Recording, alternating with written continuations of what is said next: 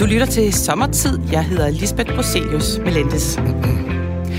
Og jeg siger velkommen til jer, der lytter med i dag. Og så skal vi have min gæst på banen i dag. Det er en mand, der har prøvet lidt af hvert, og så lidt mere til. Han er tidligere professor i social antropologi. Han har uddannet sig på intet mindre end tre universiteter i tre forskellige lande. Han har forsket og lavet feltarbejde i blandt andet Sibirien og Uganda, og han er ikke bleg for at kaste sig over eventyr, og den rejseløst har også gjort ham til medlem af Eventyrenes Klub. Han er forfatter og debattør, og så er han direktør for Nationalmuseet. Velkommen til sommertid, Rane Villerslev. Ja, mange tak. Eventyrenes Klub. Mm. Det lyder jo spændende ja. og sådan meget Indiana Jones-agtig. Hvad laver I egentlig i den klub? ja, men det er, jo en, det er jo en sjov klub, fordi den er faktisk kun for mænd. så det er, uh, den er lidt gået ud af, det er lidt ud af mode. Kvinderne har så deres egen eventyrens klub, men altså, og så er der sådan en, en rigtig gentleman-klub, er der jo en butler, så det er der også der, som øh, går rundt og serverer, imens øh, vi sidder i lederstole og, og rundt om et rundt. Der er sådan et stort rundt bord i klubben, hvor alle medlemmernes navne er engraveret, og så sidder man man simpelthen og udveksler øh, fortællinger ikke? og historier, og det kan være ret underholdende, vil jeg sige. Ja, mm. men det lyder meget eksklusivt og maskulint, og ja. I nyder det garanteret helt vildt. Ja, og, altså, så, og så er det jo lidt off i tiden, ja, at der ikke må være kvinder. Ja, præcis. Øh, men altså på den anden side, så kan man sige, at øh, altså, jeg er jo ellers meget stor fortaler for, øh, øh, for hvad kan man sige, kønnes ligestilling og det hele, men det er også meget rart at have et rum, hvor man bare kun er sammen med mænd, ikke? en meget gang, en gang imellem, kan man sige. Altså... Øh, der, øh, der kommer sådan en særlig stemning, men det er ikke et sted, altså lad mig sige på den måde, jeg har heller ikke lyst til at bo i Eventyrens Klub. altså.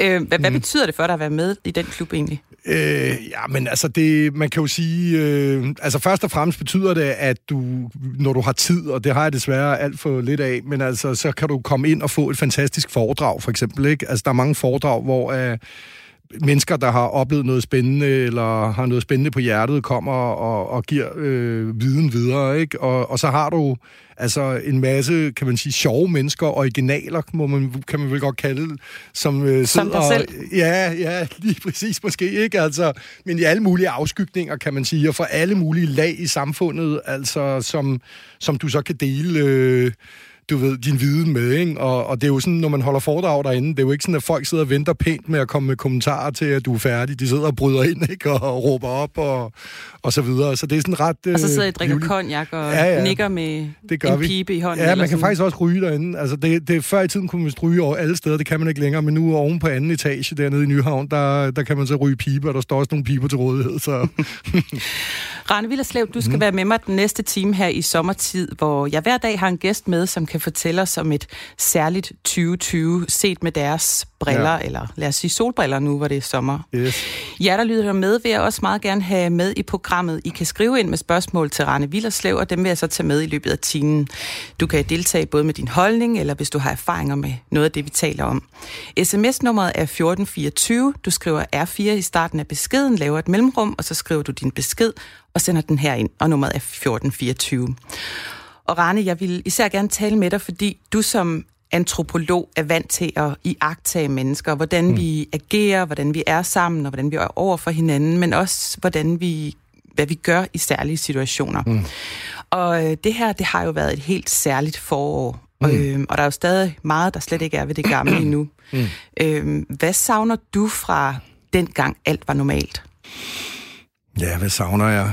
Øh, nej, men jeg tror, jeg, altså det, jeg savner mest, er vel det, som rigtig mange har savnet. Altså, det er jo noget så basalt som at kunne ligesom øh, helt øh, uden problemer give min gamle mor en krammer, og øh, altså, du ved, og, og familien kan være samlet til fødselsdag og sådan noget. Altså, hun er rimelig højt oppe i årene, og, og hun har faktisk måttet leve det der isolerede liv, ikke, som øh, flere ældre øh, er, er blevet tvunget til.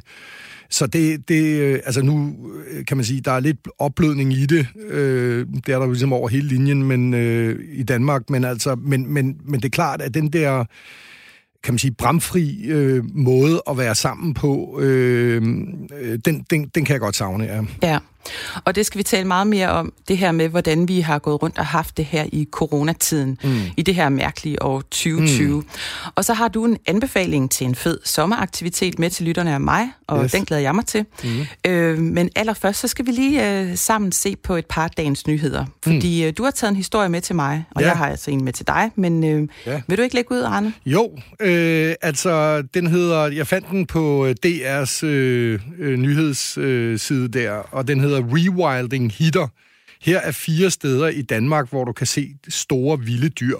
Og så er der ellers øh, en gennemgang af, at man har udsat øh, europæisk bison øh, på Bornholm og vilde heste på Langeland og Mols Bjerge, og, øh, og der er sågar også en el i, i, i lille vildmose. Det er jeg ikke helt klar over, hvor ligger. Det må jeg nok erkende. Det er noget, jeg ikke lige har slået Men, men, ja. altså, men, men jeg synes, der er noget dybt fascinerende og, og meget øh, livsbekræftigende, men også... Øh, måske også problematisk, men altså primært øh, livsbekræftigende og, og vidunderligt ved, at vi lever i en verden nu, som egentlig har forladt industrialiseringen, og, øh, og vi lever nu i en ny øh tidsalder, kan man sige, mm. en højteknologisk tidsalder, som faktisk muliggør, at vi kan leve side om side med, med, med store vilde dyr. Ikke? Men hvad synes du så er det problematiske ved det? Ja, men altså, det problematiske er jo selvfølgelig, at, øh, at man, altså, når vi taler om, hvad er den vilde natur, øh, altså, så kan man sige, øh, øh, nu skal jeg ikke gøre mig klog på, hvornår øh, europæisk bison uddøde i Danmark, men jeg kan garantere dig, det er ret mange år siden. Altså, ja. Jeg tror, det er over 1000 år siden, måske endda øh, 3000 år siden, eller et eller andet, den dur, måske endda længere. Ikke? Mm. Altså, hvornår, hvad er Øh, og, og det gælder elge er jo også rigtig lang tid siden. Øh, øh, altså, nu kan jeg se her, skal vi se her, det er cirka 5.000 år siden elgen sidst levede vildt i Danmark, ikke? Altså, hvad er den oprindelige natur? Altså, hvad er det for en, vi godt vil øh, Men den er jo skabe? lige øh, op i Norge og Sverige, ikke? Så det er vel ja. ikke sådan helt off, at den så også kan være her? Øh, nej, nej, altså det kan den jo øh, så øh, i et begrænset øh, omfang, ikke? Men, men, men, men det er altså over 5.000 år siden, at øh, elgen sidst levede øh, vildt i Danmark, ikke? Mm.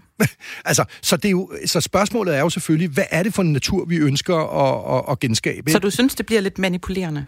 Nej, det synes jeg egentlig ikke. Altså helt grundlæggende set synes jeg faktisk, det er ret fantastisk, og også at du kan skabe forskellige naturmiljøer i virkeligheden, ikke? For forskellige tidsalder. Og det, der måske er det allervigtigste, det er jo, at vi jo begyndt at indse, at hvis du skaber Altså hvis du genetablerer nogle af de her store øh, vilde pattedyr, så, så har det en enorm positiv effekt på biodiversiteten, ikke? Fordi mm. forskellige hjortearter og, og, og vildsvin osv., de bider af forskellige planter i forskellige øh, niveauer og tramper i jorden med deres hove i forskellige dybder og så videre, og det kan, altså hvis det bliver sammensat rigtigt, kan det give en enorm eksplosion i antallet af insekter og, og andre øh, øh, smådyr og så videre, som er helt afgørende for et, øh, et sundt øh, naturmiljø. Ikke? Mm. Og historien var, at det går godt med det her rewilding. Ja. ja. Godt. Jamen, øh, ja. tak for den historie, ja. Arne. Min, den handler ja. om forældre, og mm. deres børn. Det mm. viser sig, at det her curling-fænomen, mm. øh, det hele tiden bevæger sig ned ad nye veje. Øh, det ser ud til, at mange forældre faktisk er klar til øh, at bryde loven, så deres barn under 18 år kan få en tatovering. Okay. Det er en historie, som DR har i dag. Øh, DR Nyheder har foretaget en rundringning blandt 33 tatovører i hovedstads, hovedstadsområdet på Fyn og i Nord, Nord ja. Øst, Syd og Sønderjylland. Ja. 27 af dem svarer, at de får henvendelser fra forældre, der gerne vil have deres børn under 18 år tatoveret. Næsten halvdelen af tatovørerne svarer, at de får den type henvendelser flere gange om ugen. Aha. Øhm, og så har det altså talt med to tatovører, og Brian Bøjtang, der ejer Black Ink i Åben Rå, han siger, ja. forældrene synes, at det er noget mærkeligt noget, og børnene bliver skidesure. De siger, fuck din butik, men det er jo sådan, loven er. Jeg får en bøde, hvis jeg gør det. Aha. Ja, vildt Hos Body Science Tattoo og Piercing mm. i Esbjerg må ejeren Christian Nielsen også ofte afvise forældrene. Og han siger så sådan her, nogen prøver at overtale en ved at sige, det bliver mellem os. Mm. Men, jeg, men jeg tatoverer ikke folk under 18 år, siger han. Mm. Hvad ja. tænker du om den historie? Jamen, den, den, øh, ja, hvad tænker jeg? Altså, øh, man kan jo sige, at tatoveringer er jo virkelig gået fra at være... Altså, dengang jeg var ung, ikke, der var det sømænd og, og, og folk, der havde siddet i fængsel eller sådan noget, ikke, der mm-hmm. havde tatoveringer, ikke, til at være... Øh, altså, måske nogle heavy metal øh, folk, ikke, til at være jo sådan et almandseje, ikke? Altså, der er jo ikke dem, der ikke har tatoveringer. Altså... Øh, og det er der i og for sig ikke noget øh, galt i, eller noget. Altså, du ved, altså, har du selv tatoveringer? Nej, det har jeg faktisk ikke, men jeg føler, altså nu er jeg 49 år, og hvis jeg får tatoveringer nu, så virker det som sådan en midlife crisis, ikke? Så, men havde, havde jeg været 20 år, 20 år yngre, så tror jeg helt klart, at jeg var tatoveret over det hele. Jeg synes faktisk, det ser ret flot ud, altså det må jeg sige. Jeg tænkte også, ja. at du måske har sådan en tattoo-anekdote fra Sibirien eller Uganda, eller nogle af de andre eksotiske jo, altså, steder, du har været. Ja, altså, og, men, men, altså i Sibirien, der, øh, blandt nogle folk i Sibirien, der bliver kvinderne jo ansigtstatoveret. Altså, ligesom man ser det, øh, som er noget er begyndt at få øh, form igen i Grønland, ikke? Ja. Altså, hvor meget smukt, synes jeg, med nogle enkelte striber mm-hmm. i ansigtet hos kvinderne. Øh, men det er kun kvinderne der er tatoveret der. Og i Uganda, øh, der har du de der art-tatoveringer. Ja. Øh, men altså, de, efter sigende skulle... Altså, det er noget med, at, at huden øh, øh, øh, hos de lokale er tykkere, end den er hos os. Øh, altså, så jeg tror, det ville se ret åndssvagt ud, øh, forestiller jeg mig, hvis jeg fik sådan nogle art-tatoveringer. Så, så du ved, så, ellers så var jeg måske blevet tatoveret, hvis det havde været ligesom tradition for øh, noget der, ikke? Men øh, ja. Jeg kunne egentlig godt tænke mig at høre, om du, en, om du selv er en curlingfar.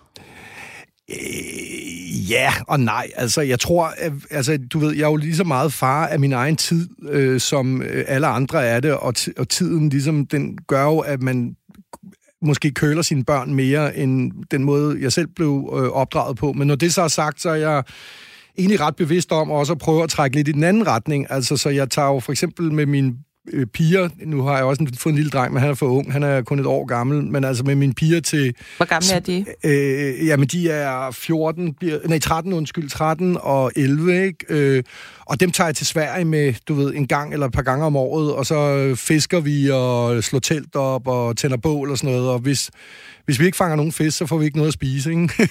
altså, så det er sådan lidt an, det er et forsøg på at lave lidt anti-curling, fordi altså, der er naturen jo ret fantastisk, altså det der med at at man kan sige, at øh, de er jo lige så meget på deres telefoner og alt muligt andet som alle andre børn, men, men lige pludselig så ser de, at de bliver nødt til at koncentrere sig om at, at, at binde, øh, binde fiskesnøren ikke? Øh, og, og krogen, og hvis de ikke gør det ordentligt, ja, så er der sgu ikke noget at spise, vel? Altså, og så næste dag, så, binder de, så koncentrerer man sig endnu mere. Øh, og det er jo, altså det, at du ikke får noget at spise, er jo ikke noget, du dør af øh, i, i et døgns tid, men, øh, eller halvanden, men, men det er jo selvfølgelig en vis ubehag, man føler ved det, ikke? Men så kan man sige, så må man, bliver man tvunget til at være til stede i det her øjeblik, i, og, og, og også tage seriøst øh, det her med de her skills, ikke? Mm. Og kunne du finde på at overtale en tatovør til at tatovere, tatovere dine øh, døtre, hvis de gerne vil have en lille Ej, det kunne jeg sgu nok ikke. val eller et eller andet ej, på... Nej, det kunne jeg ikke, men, men, men, men på den anden side, altså, nej, det kunne jeg jo ikke, og, men, men på den anden side, så kan man sige, Altså, det er jo så udbredt og så øh, normalt, så den der 18-årsgrænse ved jeg ikke, om man, man skulle tage op til overvejelse. Ja. der er kommet en uh, sms til dig. Ja. Uh, der er en, der skriver her, har Villerslev ikke et ar fra et møde med en bjørn eller et andet vildt dyr, uh, en sibirisk sabeltiger, uh, så er det da også mere attraktive tatoveringer. Det var en kommentar ja. til... Ej, jeg har det, altså ikke noget ar fra en bjørn. Altså, jeg har, jeg har jo, jeg er faktisk blevet angrebet af en bjørn en gang, og, men jeg nåede at skyde den, inden øh, den nåede at få kløerne i mig. Altså, så, ja. er det noget, du har dokumentation for, det der, Rane? Ja, det er måske, ja, det har jeg rent faktisk, fordi der var et filmhold med, så det blev sgu filmet. Okay. okay. Ja. Øhm, Rane Villerslev, jeg ved, at, øh, at du har gjort dig nogle iagttagelser her i coronatiden. Mm. Øhm, og det er det, vi skal tale om nu, mm. synes jeg. Mm. Særligt i den her periode, hvor, hvor landet for alvor var lukket ned, og de fleste af os sad derhjemme. Mm. Selvfølgelig bortset fra alle de mange, der ikke gjorde. Dem, ja. der holdt det i gang, der skulle holdes i gang. Ja. Men Rane, hvad, hvad lader du mærke til i den forbindelse? Jamen, ja, det er jo sådan en, det er jo, øh, man kan sige, det er jo blandet i agtagelser, kan man sige, og, og hele coronakrisen er jo ikke overstået endnu, så det er jo også meget øh, øh tidligt egentlig at, at komme med sådan nogle entydige konklusioner, men altså det, der jo er ret interessant at observere, det var jo, at man, man ser jo hele vores, øh, kan man sige, kulturelle grammatik, altså vores samfundsmæssige grammatik, er måske et bedre ord, vores samfundsmæssige grammatik træde frem og blive synlig. Øh, og det tror jeg faktisk har været utrolig sundt. Hvad mener du med samfundsmæssig ja, jamen, det er jo, at du ser et, et meget robust samfund. Øh, altså, det danske viser sig mm. at være ekstremt robust. Ikke? Du ser arbejdsmarkedets parter, som øh, går sammen om at, at finde nogle løsninger. Du ser hjælpepakker, der meget hurtigt bliver besluttet i et slags konsensusdemokrati, ikke? Øh, og du ser øh, også en meget, meget stor tillid mellem stat og borger, der træder i kraft, ikke? Altså, at nu når staten ligesom siger, øh, vi bliver nødt til at, at, at have nogle retningslinjer, så ser man grundlæggende set øh, hovedparten af befolkningen, øh, der følger dem. Ikke?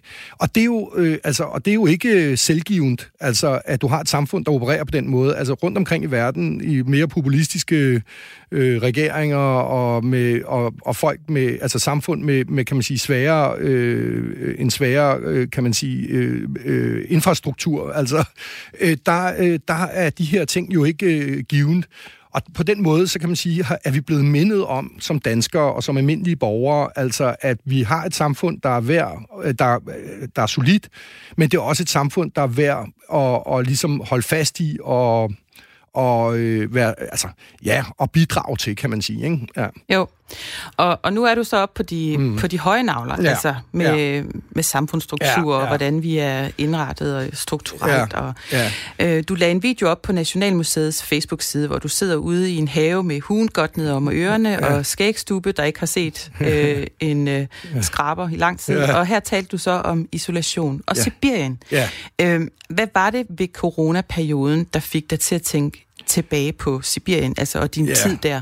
Jamen, det er jo fordi, at altså, i Sibirien, altså man kan jo sige, jeg har jo levet i små jagtgrupper, altså med enkeltjæger i mange måneder, men jeg har også på tid... Ja, kan du ikke lige sige, hvornår og hvor længe det ja, var? Øh, altså, jo, men øh, altså, øh, helt, altså tilbage, helt tilbage i 99-2000, der boede jeg nærmest et helt år i ødemarken, ikke? Øh, altså ude øh, blandt pelsjæger og hvor jeg i lange perioder bare levede med en øh, anden mand, og nogle gange to andre mænd, og så videre. Men, men på et tidspunkt, så prøvede jeg altså også at leve øh, fem uger helt alene, altså uden ude i ødemarken, altså uden at have så meget som en hund øh, øh, at tale med. Og, og du det, havde heller ikke en telefon? Øh, nej, det havde jeg heller ikke øh, overhovedet. Øh, og, altså, og det, jeg fandt ud af der, der er jo meget stor forskel mellem at leve med en anden, øh, som kan være irriterende nok, kan man sige, men altså også meget øh, intens og intimt.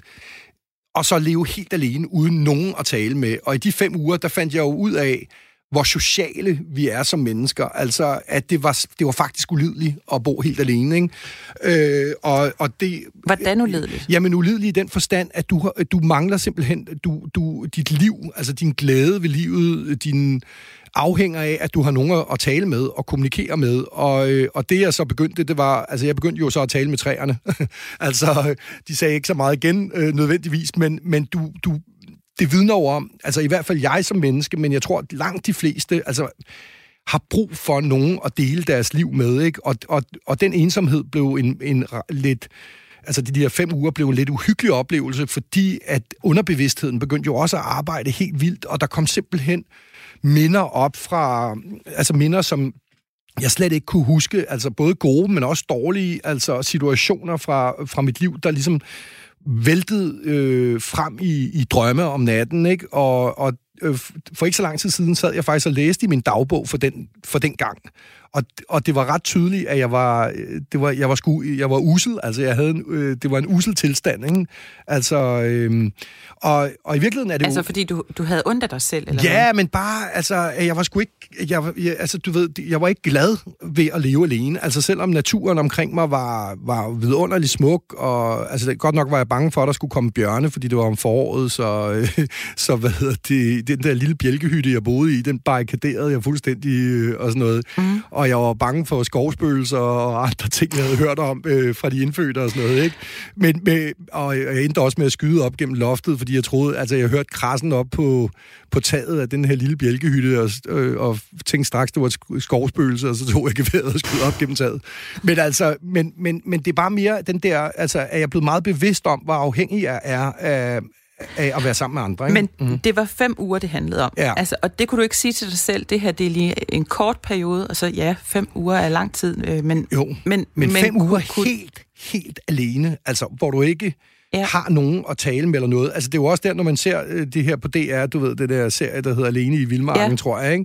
Altså, det der, øh, det, der gør, at folk vender hjem, er jo oftest ikke det der med, at de ikke får nok at spise. Altså, det er der nogle tilfælde, men i langt de fleste tilfælde kan de jo ikke holde det ud til sidst, ikke? Altså, og det, det kan jeg jo kun nikke bekræftende til, ja. Mm. Så du så ikke et eneste menneske? Ikke i... et eneste menneske, nej. nej. Hvad, hvad brugte du tiden på? Jamen, jeg gik øh, mellem to øh, små bjælkehytter og lagde fælder øh, for pelsdyr, altså. og dem havde jeg heller ikke stor succes med at fange, så det... Øh, og så, ja, og så tag, huggede jeg brænde, så jeg, du ved, der er jo koldt, så man skal jo have gang i sin øh, brændeovn, og så talte jeg altså med træerne dag ud, dagen ud igennem. Ja. Men, men kan man overhovedet sammenligne så øh, fem uger i den sibiriske øh, stivfrostende mm, ødemark mm, med nogle uger i et dansk coronaland, hvor der jo alt Nej. andet lige har været telefoner, videomøder, sociale medier, fjernsyn osv.? Ja. Nej, det kan man selvfølgelig ikke, men, men, men alligevel, men man kan jo sige, det kan man ikke, fordi det ene er så ekstremt, ikke? Øh, altså det her med at være helt øh, alene, og det er det jo de færreste, der er. Det er der jo faktisk nok, nok slet ikke nogen, der er på den måde, fordi man netop har fjernsyn, man har telefon osv. Men, men det er alligevel en gradsforskel, ikke? Altså, og, og det vidner om, at altså isolation er svært for mm. os, ikke? Altså, og det... Øh, og man kan sige, det er jo svært... Altså, i mit tilfælde har jeg jo haft et ret dejligt... Øh, altså, dejlig coronaperiode i den forstand, at jeg har boet med min familie og min lille nye dreng og min kone og børn oppe i, i, oppe i vores øh, sommerhus, ikke? Og, øh, og, og der, det har faktisk givet en enorm livskvalitet, ikke? Øh, men, men havde jeg siddet, øh, havde jeg været single for eksempel, eller var jeg min gamle mor, der, der sad derhjemme godt nok, kunne man ringe til hende og tale med hende på telefon og sådan noget, så har det sgu ikke været sjovt, vel? Mm. Nej, så hvor er det, du så ser lige punkterne, eller lige... Jamen, det er jo behovet for, behovet for øh, fysisk menneskelig kontakt, ja. altså er helt afgørende for os som mennesker, altså, ja. Men øh, du har haft en, øh, en god coronatid, ja. altså... Ja men, men hvor har du så set, altså nu nævner du din, din gamle mor for ja, eksempel, altså ja. har du set flere tegn på isolation her i Danmark under corona? Øh, ja, altså, men det er jo mere alle de ældre i min familie, ikke? Min gamle moster, hun har også måttet leve isoleret. Altså, det, det, for mig, har, i min familie, har det jo været de ældre der, ikke? Øh, hvad, hvad, hvad, har de sat, øh, hvad har de sagt om det? Hvad har de, jamen, de har sagt, at de savner øh, kontakter, de savner familien, ikke? Og de savner at, at få en krammer, og de, de savner de ting, ikke? Altså, når jeg talte med min mor fysisk, så stod jeg nede på vejen, og hun stod op på sin lille øh, altan, ikke? Altså, og det er jo, altså, og det er jo det, man heller ikke skal glemme øh, i det her øh, corona. Det er jo, at det, altså, dels er der nogen, øh, en gruppe af danskerne, som virkelig har været isoleret, altså, øh, og for hvem det har været svært, men der er jo også mange af mine, eller ikke mange, men jeg kender nogle af mine venner og øh, og bekendte, som faktisk er blevet afskedet, ikke? og mistet jobbet, og, og, øh, og jeg har også en, en øh, familiemedlem, som har, altså har et firma, som jeg, jeg tror lige, det klarer sig, men det har virkelig været hårdt. Ikke? Altså, så, og, og vi har jo ikke set, øh, altså vi kender jo ikke den langsigtede konsekvens af det her andet, end vi ved, at øh, Danmark nu, ligesom resten af verden, faktisk er en økonomisk krise. Ikke? Jo, mm. men hvis vi så igen går tilbage til det her med, hvordan vi har det med ja. Ja, os selv, når vi er ja. alene og sammen, Altså, hvad kan vi lære af den her tid? Altså, har du lært noget ja. af den her coronatid? Ja, altså, jeg har lært, øh, ligesom det her, når vi talte på, ligesom, på det overordnede plan, at vi har ligesom set grammatikken af vores samfund, ikke? så har vi jo også på nogle måder set grammatikken af vores eget liv. Så Altså, jeg, ligesom mange andre sikkert, øh, arbejder utrolig meget, ikke? Og har prioriteret arbejde meget, meget højt igennem hele mit liv. Og lige pludselig ser jeg også værdien af at være sammen med min øh, nære familie, ikke? Og bruge tid sammen med dem. Har du først opdaget det nu her under corona? Nej, altså det er jo ikke sådan, altså det er jo ikke, at jeg først har opdaget det, men det er blevet bekræftet for mig, at det er vigtigt. Mm. Og det er også, og, og noget, der måske er endnu vigtigere, det er, at jeg har fundet ud af, at jeg godt kan lide at være sammen med dem. Fordi det, altså, det er jo ikke givet. Altså, jeg mener, vi afleverer vores børn i vuggestuer og skoler, og vi øh, bruger mere tid på vores arbejde, end vi gør med, med familien derhjemme. Ikke? Og, og tror du, det har noget at gøre med den der længere tid, man så er sammen? Ja, at man kommer og det, og ind i den der... Det er det, du er længere tid sammen. Det er jo anderledes, det har jo været anderledes end en ferie, fordi du har skulle arbejde. Ikke? Altså, jeg sidder som i headset på og holdt møder øh, på, på, på Skype og Teams og alt det her. Men det har alligevel været noget andet, fordi mine børn har skulle være derhjemme, og de skulle sidde og lave lektier, og man skulle få dagligdagen øh, til at fungere. Det er jo lidt ligesom at blive bumpet 300 år tilbage i tid, ikke? Altså, du bor, din, din familie er en produktionsenhed, ikke? Ja. Altså, og du er omgivet af dem øh, 24-7, øh, ikke? Altså, ja. Kommer du til at holde fast i noget af det der så, øh, når vi er på den anden side? Ja, det, Hvornår det så bliver? det tror jeg. Altså, det, det er dels i, i nogle prioriteringer af, at der skal være plads til, til noget mere øh, familie og samliv, men det er også noget med møde øh, altså den måde, vi, vi holder møder på. Altså dels har det jo kunne fungere, øh, altså vi er det mest digitaliserede land i verden, og det har vi faktisk øh, kunne benytte os af. Øh, så man behøver, altså, så den ene side er, at vi faktisk kan sidde et andet sted og holde nogle af de her møder fremadrettet, men det, er også, det har også vist sig en prioritering i, hvor mange møder skal vi egentlig holde, ikke? Jo. altså, ja. Rane, vi øh, snakker videre lige om lidt, fordi øh, der er et øh, nyhedsoverblik på trapperne, og jeg tror, yes. du skal overlade mikrofonen til Thomas Sand, den må I dele. Det gør jeg. Øh, det er ham, der skal give os nyhederne her yes. om et øjeblik, og øh, vi taler videre lige på den anden side af dem. Yes. Her er nyhederne på Radio 4.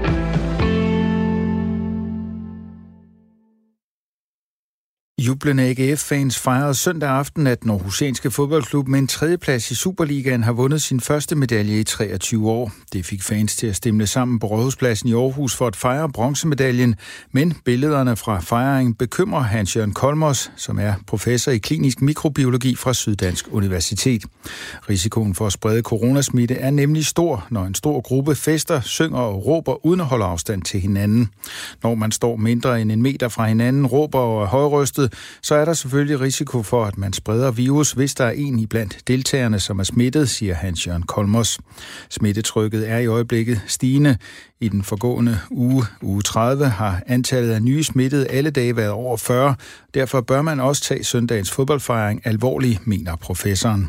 Den type af begivenheder bør vi altså ikke have for mange af, hvis vi bare lader det blive vores nye normal i en periode, hvor smittetrykket stiger. Efter at vi har passet på i så mange måneder, så får vi flere smittede. Det kan ikke undgås, siger Hans-Jørgen Kolmos.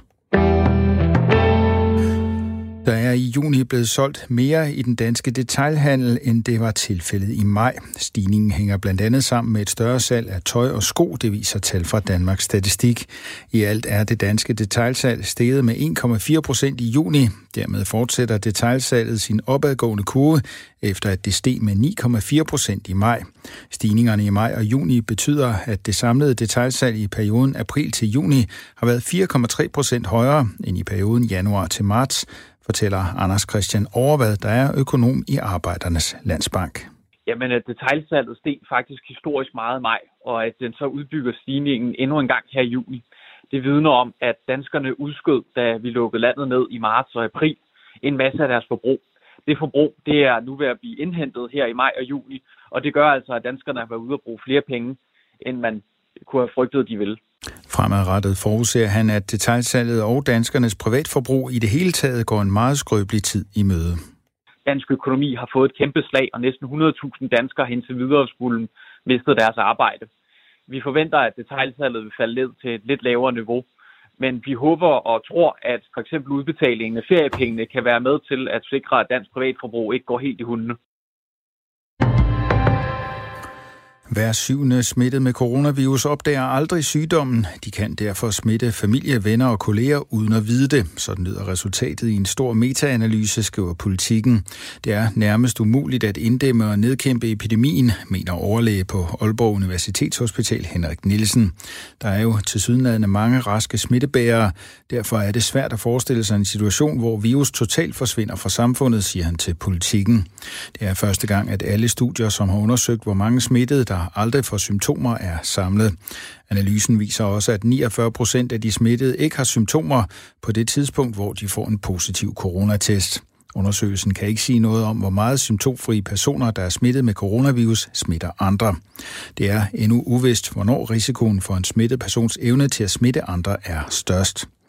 Disse usynlige smittekilder gør det svært for myndigheder og fagfolk at håndtere og kontrollere epidemien. Det gør det til en meget stor opgave, siger Henrik Nielsen til avisen. Derfor kan mundbind blive et effektivt våben i smittebekæmpelsen, hvis en ny bølge rammer senere på året, siger han. Først tørt og en del sol, men skydækket tiltager, og især i Jylland og på Fyn kommer der efterhånden byer. Temperaturer op mellem 16 og 21 grader, svag til jævn vind mellem syd og vest, senere fra syd og sydøst ved kysterne op til frisk vind. Du lytter til Radio 4. Mit navn er Thomas Sand. Der er flere nyheder klokken 10. Velkommen tilbage til programmet Sommertid. Jeg hedder Lisbeth Roselius Melendes. Og min gæst i dag, det er direktør for Nationalmuseet, Rane Villerslev. Øh, Rane, har du fået øh, headset på igen, ja, ja. så du er med? Ja, ja, ja. ja du må som sagt, øh, I må dele som mikrofonen. Ja. I, du står i studiet i København, jeg står i Aarhus, øh, og der er run på studierne, så Jamen, det kan lade sig gøre. Øhm, Rane, jeg stussede lige over noget. Du har beskæftiget dig meget med visuel antropologi. Ja. Øh, det har du en kandidatgrad i, og du ja. har været lektor ved Granada Center for ja. Visuel Antropologi ved ja. University of Manchester. Ja. Hvad i alverden er visuel antropologi? Jamen, det er altså øh, det er primært, kan man sige, i hvert fald var det dengang, øh, primært øh, dokumentarfilmsantropologi. Ikke? Altså, du lærer at lave etnografiske film, kan man sige. Altså, okay. ja. Øh, så det, det, brugte jeg, det brugte jeg et år på der, ja. Godt. Jamen, det var, jeg, jeg stussede bare over det. Jeg tænkte. Det, det må du lige forklare. Ja. Og Rane, sådan en anden ting. Jeg tror ikke, jeg fornærmer dig, hvis jeg siger, at øh, du faktisk ikke slår mig sådan som den typiske forsker. Oh. Altså, hvad der svarer til mine fordomme med okay. forsker. Du virker ikke som sådan en bogorm. Der er vildt meget gang i dig, og så ved jeg, at du banner som en havnearbejder. Ja, ja det prøver jeg at lade være med, men det er svært. Ja.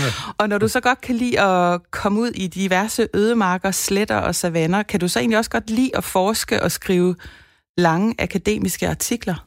Ja, altså det har jeg jo i hvert fald brugt meget af mit liv på, kan man sige. Ja. ja så ja, øh, altså nu er der jo ikke meget tid til det i det her job her, altså det må man sige. Øh, så det, øh, men det brugte jeg meget stor del af mit liv på, ja. Ja, nå. Til jer, der lytter med, øh, jeg vil også gerne høre fra jer, hvis I har nogle spørgsmål til Rane, så send dem ind til os på 1424. Du tager din telefon, skriver en besked, begynder med at lave, skrive R4, så laver du et mellemrum, skriver din besked og sender den ind til os på 1424. Øh, lige før øh, nyhedsoverblikket, øh, der talte vi om forskelle og sammenfald mellem det at være isoleret i coronatiden, og så det at være isoleret i en sibirisk ødemark, og der er mm, forskel. Mm. Øhm, men der var også ting, der mindede om hinanden. Mm. Øhm, der er også blevet talt en del om ensomhed her ja. i coronatiden. De gamle, som du har været inde på, øh, der ikke ja. har måttet se deres børn og børnebørn, ja. singler, der bor alene, øh, og selv de unge, som man ellers skulle tro sådan ville være gode til at holde gang i øh, venskaberne på sociale medier, ja. øh, har også været mere ensomme. Overrasker det dig, at alle sådan bredt set er blevet ramt af, af ensomhed her under corona? Nej, det jo overrasker mig ikke vel, og det, er jo, og det var jo i og for sig det, jeg fik bekræftet ude i den bjælkehytte der, hvor jeg var helt alene. Men det er jo, at Altså, vi er sociale væsener, og det er jo dybt banalt at sige, men det er vi vidderligt, og, øh, og, når, vi, og når det så er sagt, så er vi jo også øh, mennesker, der har brug for øh, kropslig kontakt simpelthen med andre mennesker, ikke? Altså, øh, så selvom at, at telefoner og internet og fjernsyn og alt muligt øh, kan afhjælpe, så kan det jo aldrig fuldt erstatte, øh, kan man sige, den konkrete menneskelige kontakt. Ikke? Mm. Øh, så det, det overrasker mig overhovedet ikke. Nej. Hvordan oplevede du det, da du var i den sibiriske ødemark? Du sagde, du talte med træerne, krammede du dem også? ja, ja. ja. det gjorde jeg faktisk, og jeg gav dem også gaver, øh, nogle af dem. Øh, men det er sådan noget, man har i Sibirien med, at man kan faktisk finde et, øh, et træ som en slags dobbeltgænger, altså som du så kan give gaver og tale med og, øh, og synge for, og så i tilfælde af sygdom eller andet, så kan træet stille sig ind og træde ind som en, en dobbeltgænger og tage sygdommen på sig, altså du, for eksempel. Ikke? Øh, så det er sådan ret... Det var, der, er, var der et særligt træ, du sådan blev best buddies med? altså, ja. Øh, altså, uanset hvor jeg slår mig ned, så, u, så går jeg ud og finder et træ, som jeg kan blive best buddy med, som jeg så en gang imellem øh, Har du, du en ved, præference? Besøger. Nej, altså det er jo i og for sig, at du går ud i skoven, og så hvis du mærker, at der er et eller andet træ, der særligt øh, ligesom øh, vibrationerne altså resonerer med dig, så, så Jamen, er det, det altid sådan et smukt egetræ, Nej, eller kan det også godt være sådan et pislet græntræ? Nej, det kan det godt, men øh, det er meget klogt nogle gange at tage et rimelig sundt træ, ikke? fordi det skal leve længe. ja, og, og sunde og relationer ja, og alt præcis, det der. Ja. Ja. Nå, men Danmarks uh, Magisterforening lavede en undersøgelse, der viser, at flere studerende har følt sig ensomme her under coronanedlukningen. Mm. Det var faktisk kun hver femte af de studerende, som de talte med, der ikke følte sig ensomme mm. nogle gange. Mm. Øhm, ja. Altså, tror du på den der tese, som man også hører nogle gange med, at det kan være sundt at føle sig lidt ensom eller være alene? Og... Ja, altså jeg tror, at det er rigtigt det der med, at det er vigtigt at kunne øh, være, en, øh, være alene med sig selv. Ikke? Øh, altså det tror jeg egentlig er fuldstændig rigtigt, og det kan også være sundt i en meget begrænset periode eller omfang og, og, og, og opleve ensomhed. Men, men jeg tror ikke, at det er sundt i, i månedsvis. Altså, det tror jeg sgu ikke. Der er vel også forskel på, hvad for en personlighed man er udstyret ja, med, ikke? det tror altså... jeg også. Altså, det tror jeg bestemt. Øh, altså, og det kan jeg jo også se øh, på de der pelsjæger i Sibirien. Altså, der er jo nogen, der foretrækker simpelthen at bo alene, helt ensomme, altså måske med deres hund ude i ødemarken seks måneder om året. Ikke?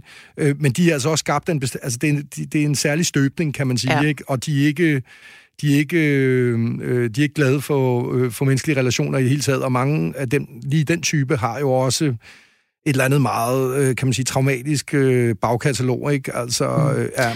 Okay, hvis vi så, hvis vi så lige øh, ser bort fra mm. de sibiriske pelsjæger mm. med, med, med dysfunktionel barndom og så videre, ja.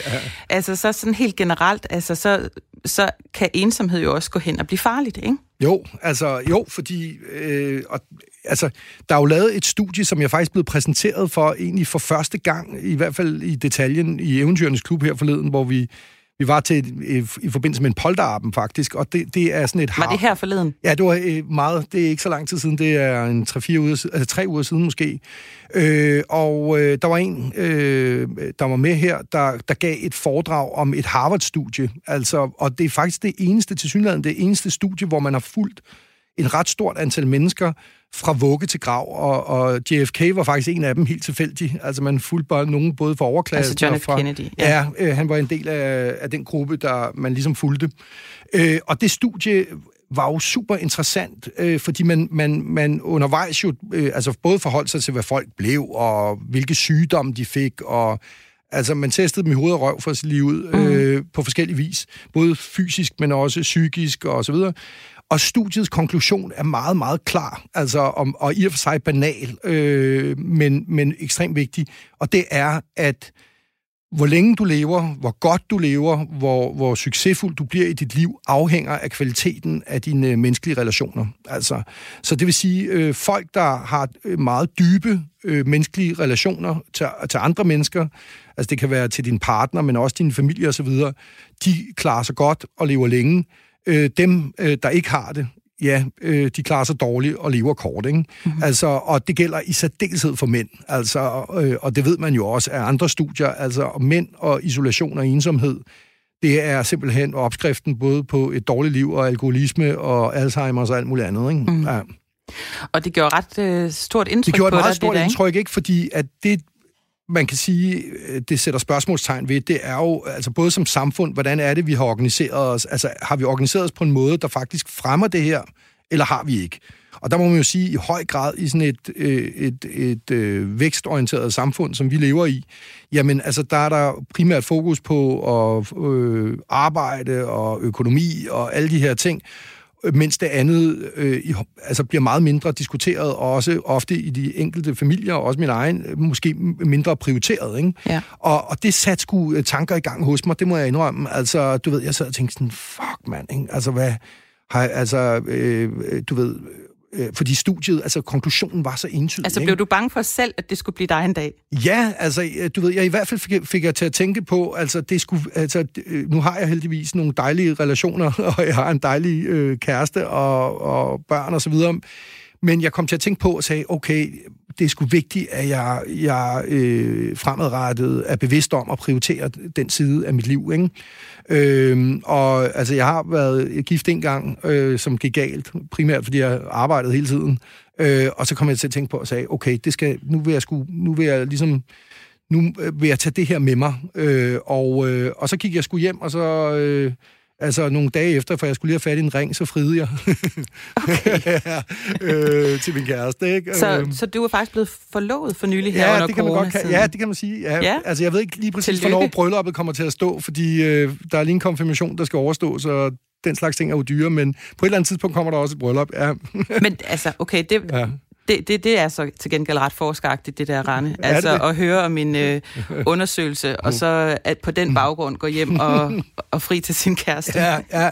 Men det er jo ret interessant, ikke? fordi den, det er den undersøgelse, altså, som vidderligt er ekstremt solid. Altså, mm. altså, og det er meget få øh, undersøgelser, der er så gedin solide som denne her. Øh, altså, dens konklusion er jo banal i den forstand, at et eller andet sted, så ved vi det jo godt. Ja. Vi ved det jo godt. Altså, det, som, der er jo det gamle ordsprog, der siger det her med, at der er ingen, der beder om at få skrevet på deres gravsten, gider jeg havde arbejdet mere, vel? Nej. Altså, Øh, Nej, så konklusionen er, sørg for, altså, få styr på dine relationer og ja, pas på dem. Ja, altså. og den, men den er også interessant, fordi den siger også, at hvis du for eksempel lever i et ægteskab, hvor du har en meget dårlig relation, og mm. du ikke kan få den bedre, så er det faktisk bedre at blive skilt, end at, at blive sammen, fordi øh, så slår den sgu der ihjel, ikke? altså, ja. øh, men, men, men det er jo utroligt banalt, ikke? for vi ved det jo godt. Øh, vi ved det øh, intuitivt godt, men, mm. men, men, men vi er, lever i et samfund, der egentlig ikke fremmer det her, og, og vi bliver hurtigt kørt afsted med ligesom at sige, at det er nogle andre værdier, vi, vi løber efter, selvom vi inderst inde jo godt ved, at det er, de her nære relationer er umådeligt vigtige. Ja. Det er rigtig godt at, at huske på. Ja. Rane øh, Villerslev, vi skal til at tale om vores sommer ja. og din sommer, fordi du er en af de få, der faktisk har fået lige ja. præcis den sommer, du havde ja. planlagt. Ja. Forstået på den måde, at I havde planlagt at tilbringe jeres sommer i jeres sommerhus ja. i Tisvilde, ja. og det har I gjort. Ja.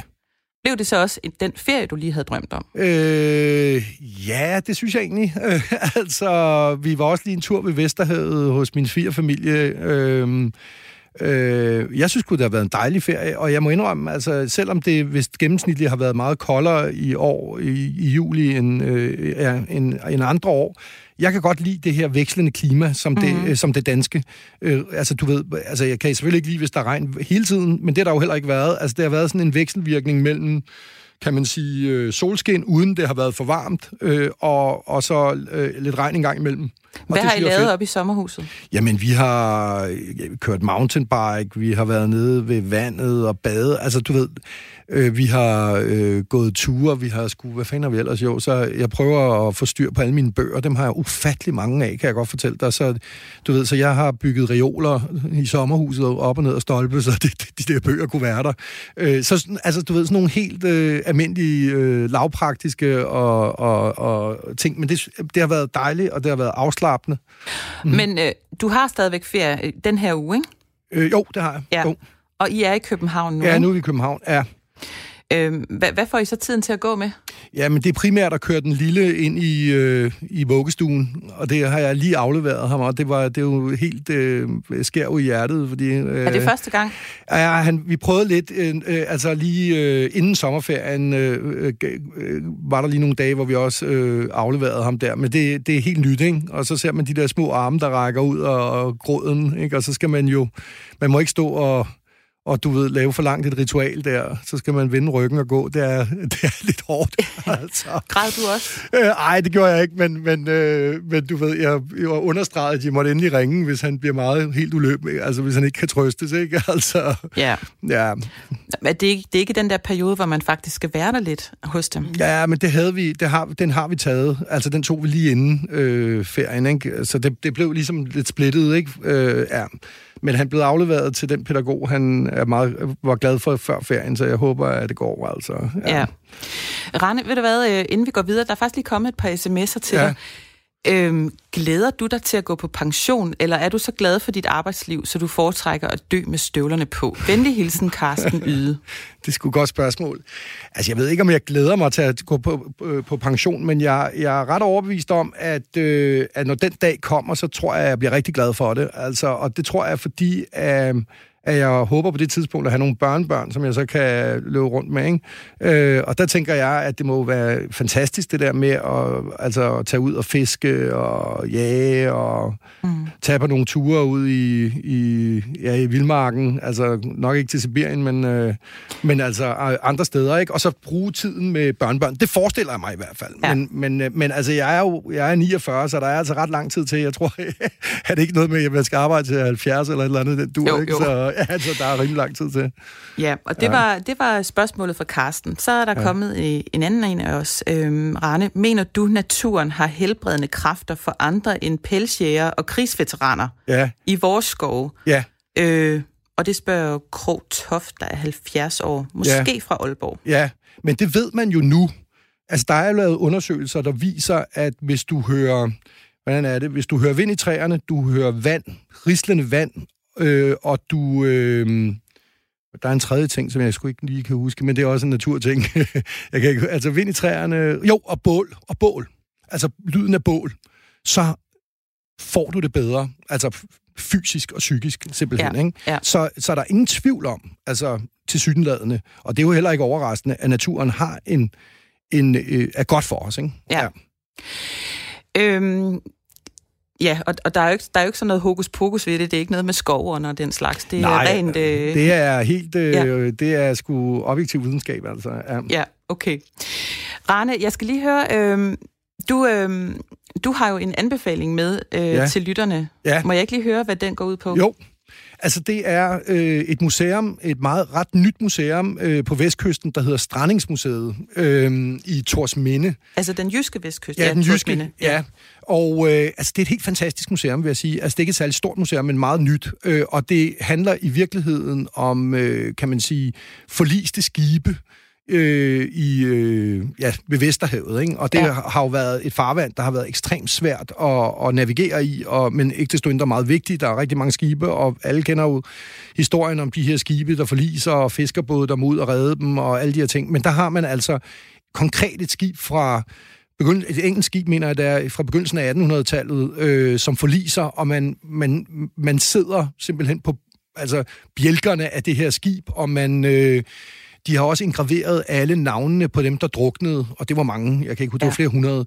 Øh, og, men der, det er sådan en fantastisk øh, kombination af, af, at du faktisk kan, øh, altså at genstandene ikke, ikke primært ligger i morgentrum, men du kan faktisk bruge dem og sidde på dem og røre ved dem, øh, samtidig med, at det, der er noget, altså det er en spændende ny øh, formidling og arkitektonisk utrolig interessant Og hvad museum. sagde du, at stedet hed? Det hedder Strandingsmuseet. Ja. Strandingsmuseet. Ja. Så Den er hvis man er der, videre. så Ja. skal man virkelig tage dig til. Altså, ja. Jeg vil gerne tage sig til det. Ja, ja. Rane, du skal jo så være i København resten af din ferie. Ja. Øhm, og, og det har vel også sat sådan eventyrlivet lidt på standby, tænker jeg. Jo, jo. Men øh, rundt, nu skal du høre her, fordi ja. øh, rundt omkring i Danmark, der har flere øh, trolde nemlig slået sig ned i skove, dale og på landeveje. Okay. Øhm, og nu vil jeg sige goddag til Thomas Dambo, genbrugskunstner og talsmand for troldene. Goddag, Thomas. Hej, hej. Hej. Der er jo allerede en del trolde, der har fået et hjem eller en hvileplads et sted i vores lille land og i udlandet. Øhm, og det er jo dig, der har, har bygget de her trækkæmper. Øhm, hvad, er, hvad er ideen bag? Jamen altså, jeg er jo, øh, som du kan høre, der er jo talsmand for troldene. Og øh, jeg har jo fået øh, en fornøjelse, øh, fornøjelse af at øh, sammen med en hel masse andre danskere og rende rundt i alle andres containere og finde en hel masse gamle brædder, og så simpelthen finde øh, nogle dejlige øh, lokationer rundt omkring i det danske land, og så bygger vi kæmpe store skulpturer ud af jeres andres ting. Ah, Ja. Sjovt. Og, og hvis man nu gerne vil se de her trolde, øh, hvor skal man så tage hen? Hvis Rane han vil Jamen- for eksempel på troldejagt med sin Mhm. søn.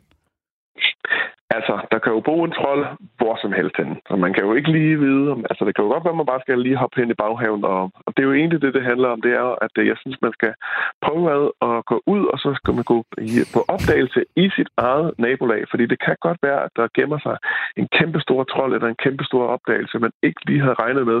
Måske aller, aller dybest inde i, øh, i ens egen øh, øh, buskads, inde i ens egen trold.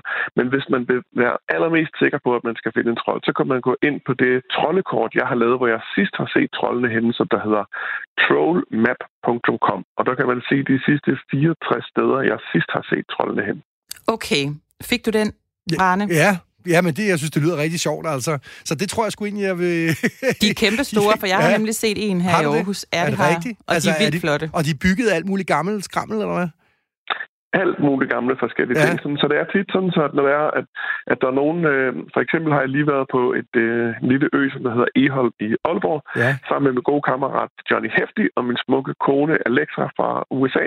Ja. Så vi har, hvad hedder det, simpelthen fundet en stor øh, bunke gamle forskellige brædder fra de øh, dejlige Aalborgensere. Og så har vi sammen med øh, cirka 30 forskellige andre mennesker omformuleret den her øh, store bunke gamle brædder til en stor trold, som der hedder Pil Tusindtunge, ude på den her ø, der hedder Eholm i Aalborg. Godt. Nå, det lyder sgu vildt. Men de, øh, det, det er jo ikke kun her i Danmark, der er trolde, vel? Jeg kan forstå, at øh, du har også stødt på nogen, eller sat dem op i Chile, Mexico og, og Australien. Ja, det er jo som sagt, hvad hedder det, nummer 64, den vi lige har lavet nu. Sådan, så det er jo, altså, nu er jeg jo talsmand, men jeg er også sådan lidt jordmor for troldene, så jeg har jo ja. lavet rigtig, rigtig mange, og det er jo faktisk det er sådan lidt fuldtidsarbejde. Det er jo, ikke, det er jo lidt nogle løbske, nogle løbske fyre, sådan nogle trolde her, så men man skal hvis man bor... lidt rundt og holde øje på. Mm. Ja, men hvis man bor i Københavnsområdet, så, så er der en, en håndfuld, der bor i samme område. Er det, er det sådan, det er? Ja, altså ja. i øh, København, der er der jo, hvad hedder det, nogen, der, hvad hedder det, de har bosat sig i en længere periode ude på, øh, i Vestegnen, i øh, Rødovre, Hvidovre, Højtostrup, Albertslund, øh, Ishøj og Vandelsbæk, og nu har jeg lige, hvad hedder det, været ude og, og navngive en helt ny flok i, i øh, Kongelunden ude i Dragør, i, øh, på en meget, meget hemmelig ø ude på øh, noget, der hedder Skrædderholmen, som er der en lille bitte ø, man kun kan komme til med cykel øh, nede under det, man kalder for Amager-motorvejen, der ligger ude fra Advøre Holme og ud mm. til øh, Amager. Og så har vi lige lavet en med en 11 meter lang øh, fiskestang i en stor egetræstamme, hvor man kan øh, hoppe på som en lille orm, og så svinge sig ud og lave en slags mm. ude i en grusgrav ude i Roskilde. Hvordan opstod og, den der idé med at lave trolde ud af, af gammel skrammel? Altså. Den opstod ud fra, at jeg tænkte, hvad er det mest fantastiske, jeg kan lave ud af al vores andres affald? Og så tænker jeg sådan her, ja, lige meget hvor jeg kommer hen i verden, så kan jeg få ind en kæmpe, kæmpe stor bunke gamle brædder. Mm. Og så tænker jeg, det bedste og det sjoveste, jeg kan lave ud af det, det er simpelthen at finde en hel masse mennesker, og så bare rejse verden rundt, og så bare, hvad hedder det, bygge trolde ud af det, så får jeg lov, ligesom da jeg var en, en lille dreng, at lave uh, huler og ja, lave og... uh, og, og bare den her fascination for, og... for trolde, Thomas, hvor kommer den fra? Bare lige helt kort. Hvorfor lige trolde? Jamen det, øh, jeg, da jeg, var, da jeg var dreng, der kunne jeg godt lide nordisk mytologi, og så kunne jeg godt lide, øh, hvad hedder det, troldebus, og jeg godt kunne øh, lide forskellige eventyr. Jeg kunne godt, øh, altså, kunne bare godt lide at gå på eventyr, og kunne godt lide at kravle rundt i, i ja. vores alle sammen container, så bare øh, ja, have det sjovt, og så se, hvad jeg kunne få det bedste ud af det. Og jeg, jeg ved ikke noget bedre, end bare at bare bygge, bygge noget ud af det, som at der ellers ikke skulle have blevet noget. Og, og hvis jeg så kan dele det med en hel masse andre, så synes jeg jo bare, det er dejligt. Og det er virkelig dejligt. Tak til dig, Thomas Dambo, mm. genbrugskunstner og talsmand for trollene. Og man kan altså finde det her troldekort på trollmap.com, og her kan du se både trolde i Danmark og i udlandet. De sorte kryds er de gamle trolde, og de grønne kryds er de nye trolde fra øh, her for nylig. Der kommer flere sommeren over, så hold øje med dem. Mm. Farvel og tak, Thomas. Tusind, tusind tak, fordi I havde mig igen, og så må I have en dejlig sommer. I lige måde. Hej. Nå, øh, Rane, tiden den mm. flyver jo afsted. Mm. Øhm, vi, øh, vi Ja, vi skal nå at have en sang med, fordi øh, det er jo sådan, vi sender lytterne afsted. Mm. Og jeg har bedt dig om at tage en sang med, og hvad er det for en, vi skal mm. høre? Jamen, vi skal høre Minds of 99. Øh, de har en sang, øh, der hedder Det er Knud, der er død, som jo oprindeligt er et øh, digt af Tom Christensen. Altså, da Knud Rasmussen dør, øh, så skriver han, jeg kan ikke huske, hvad det er for en avis, om det er Politiken eller Berlineren, altså øh, det her, denne her, det her digt, det er Knud, der er død. Og det har Minds of 99 omsat til et, øh, et øh, musiknummer, som er mega fedt. Ja, og det skal vi høre nu. Mm. Øhm, og øh, min gæst i dag, det var Rane Villerslev, direktør for Nationalmuseet, eventyr og tidligere professor og antropolog og meget, meget mere. Mm-hmm. Tak for dit besøg, Rane. Det var en lidt. fornøjelse. Ja, og Rane har altså valgt, at vi skal høre Minds of 99 med Det Knud, som er død, og den kommer her. Var jeg en løbe i dag, løftede jeg vingen til slag, fyldte jeg lungen med luft og fløj både nat og dag. Over et vinterligt hav, som sunder bag i skum. Gennem den mørke december, skyer tumlede rum. Det er Knud, som er død, fryser vi andre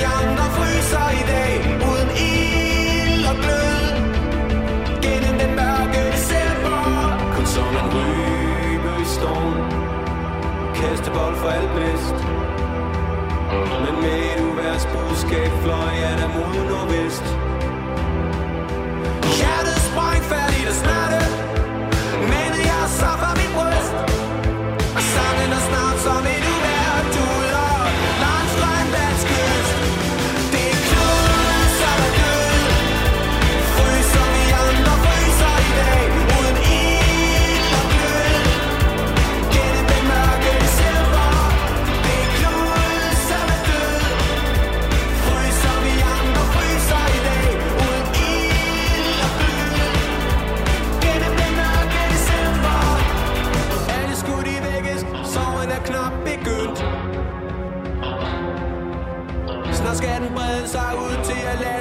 fjerneste pynt. Den store fortryller er død. Den store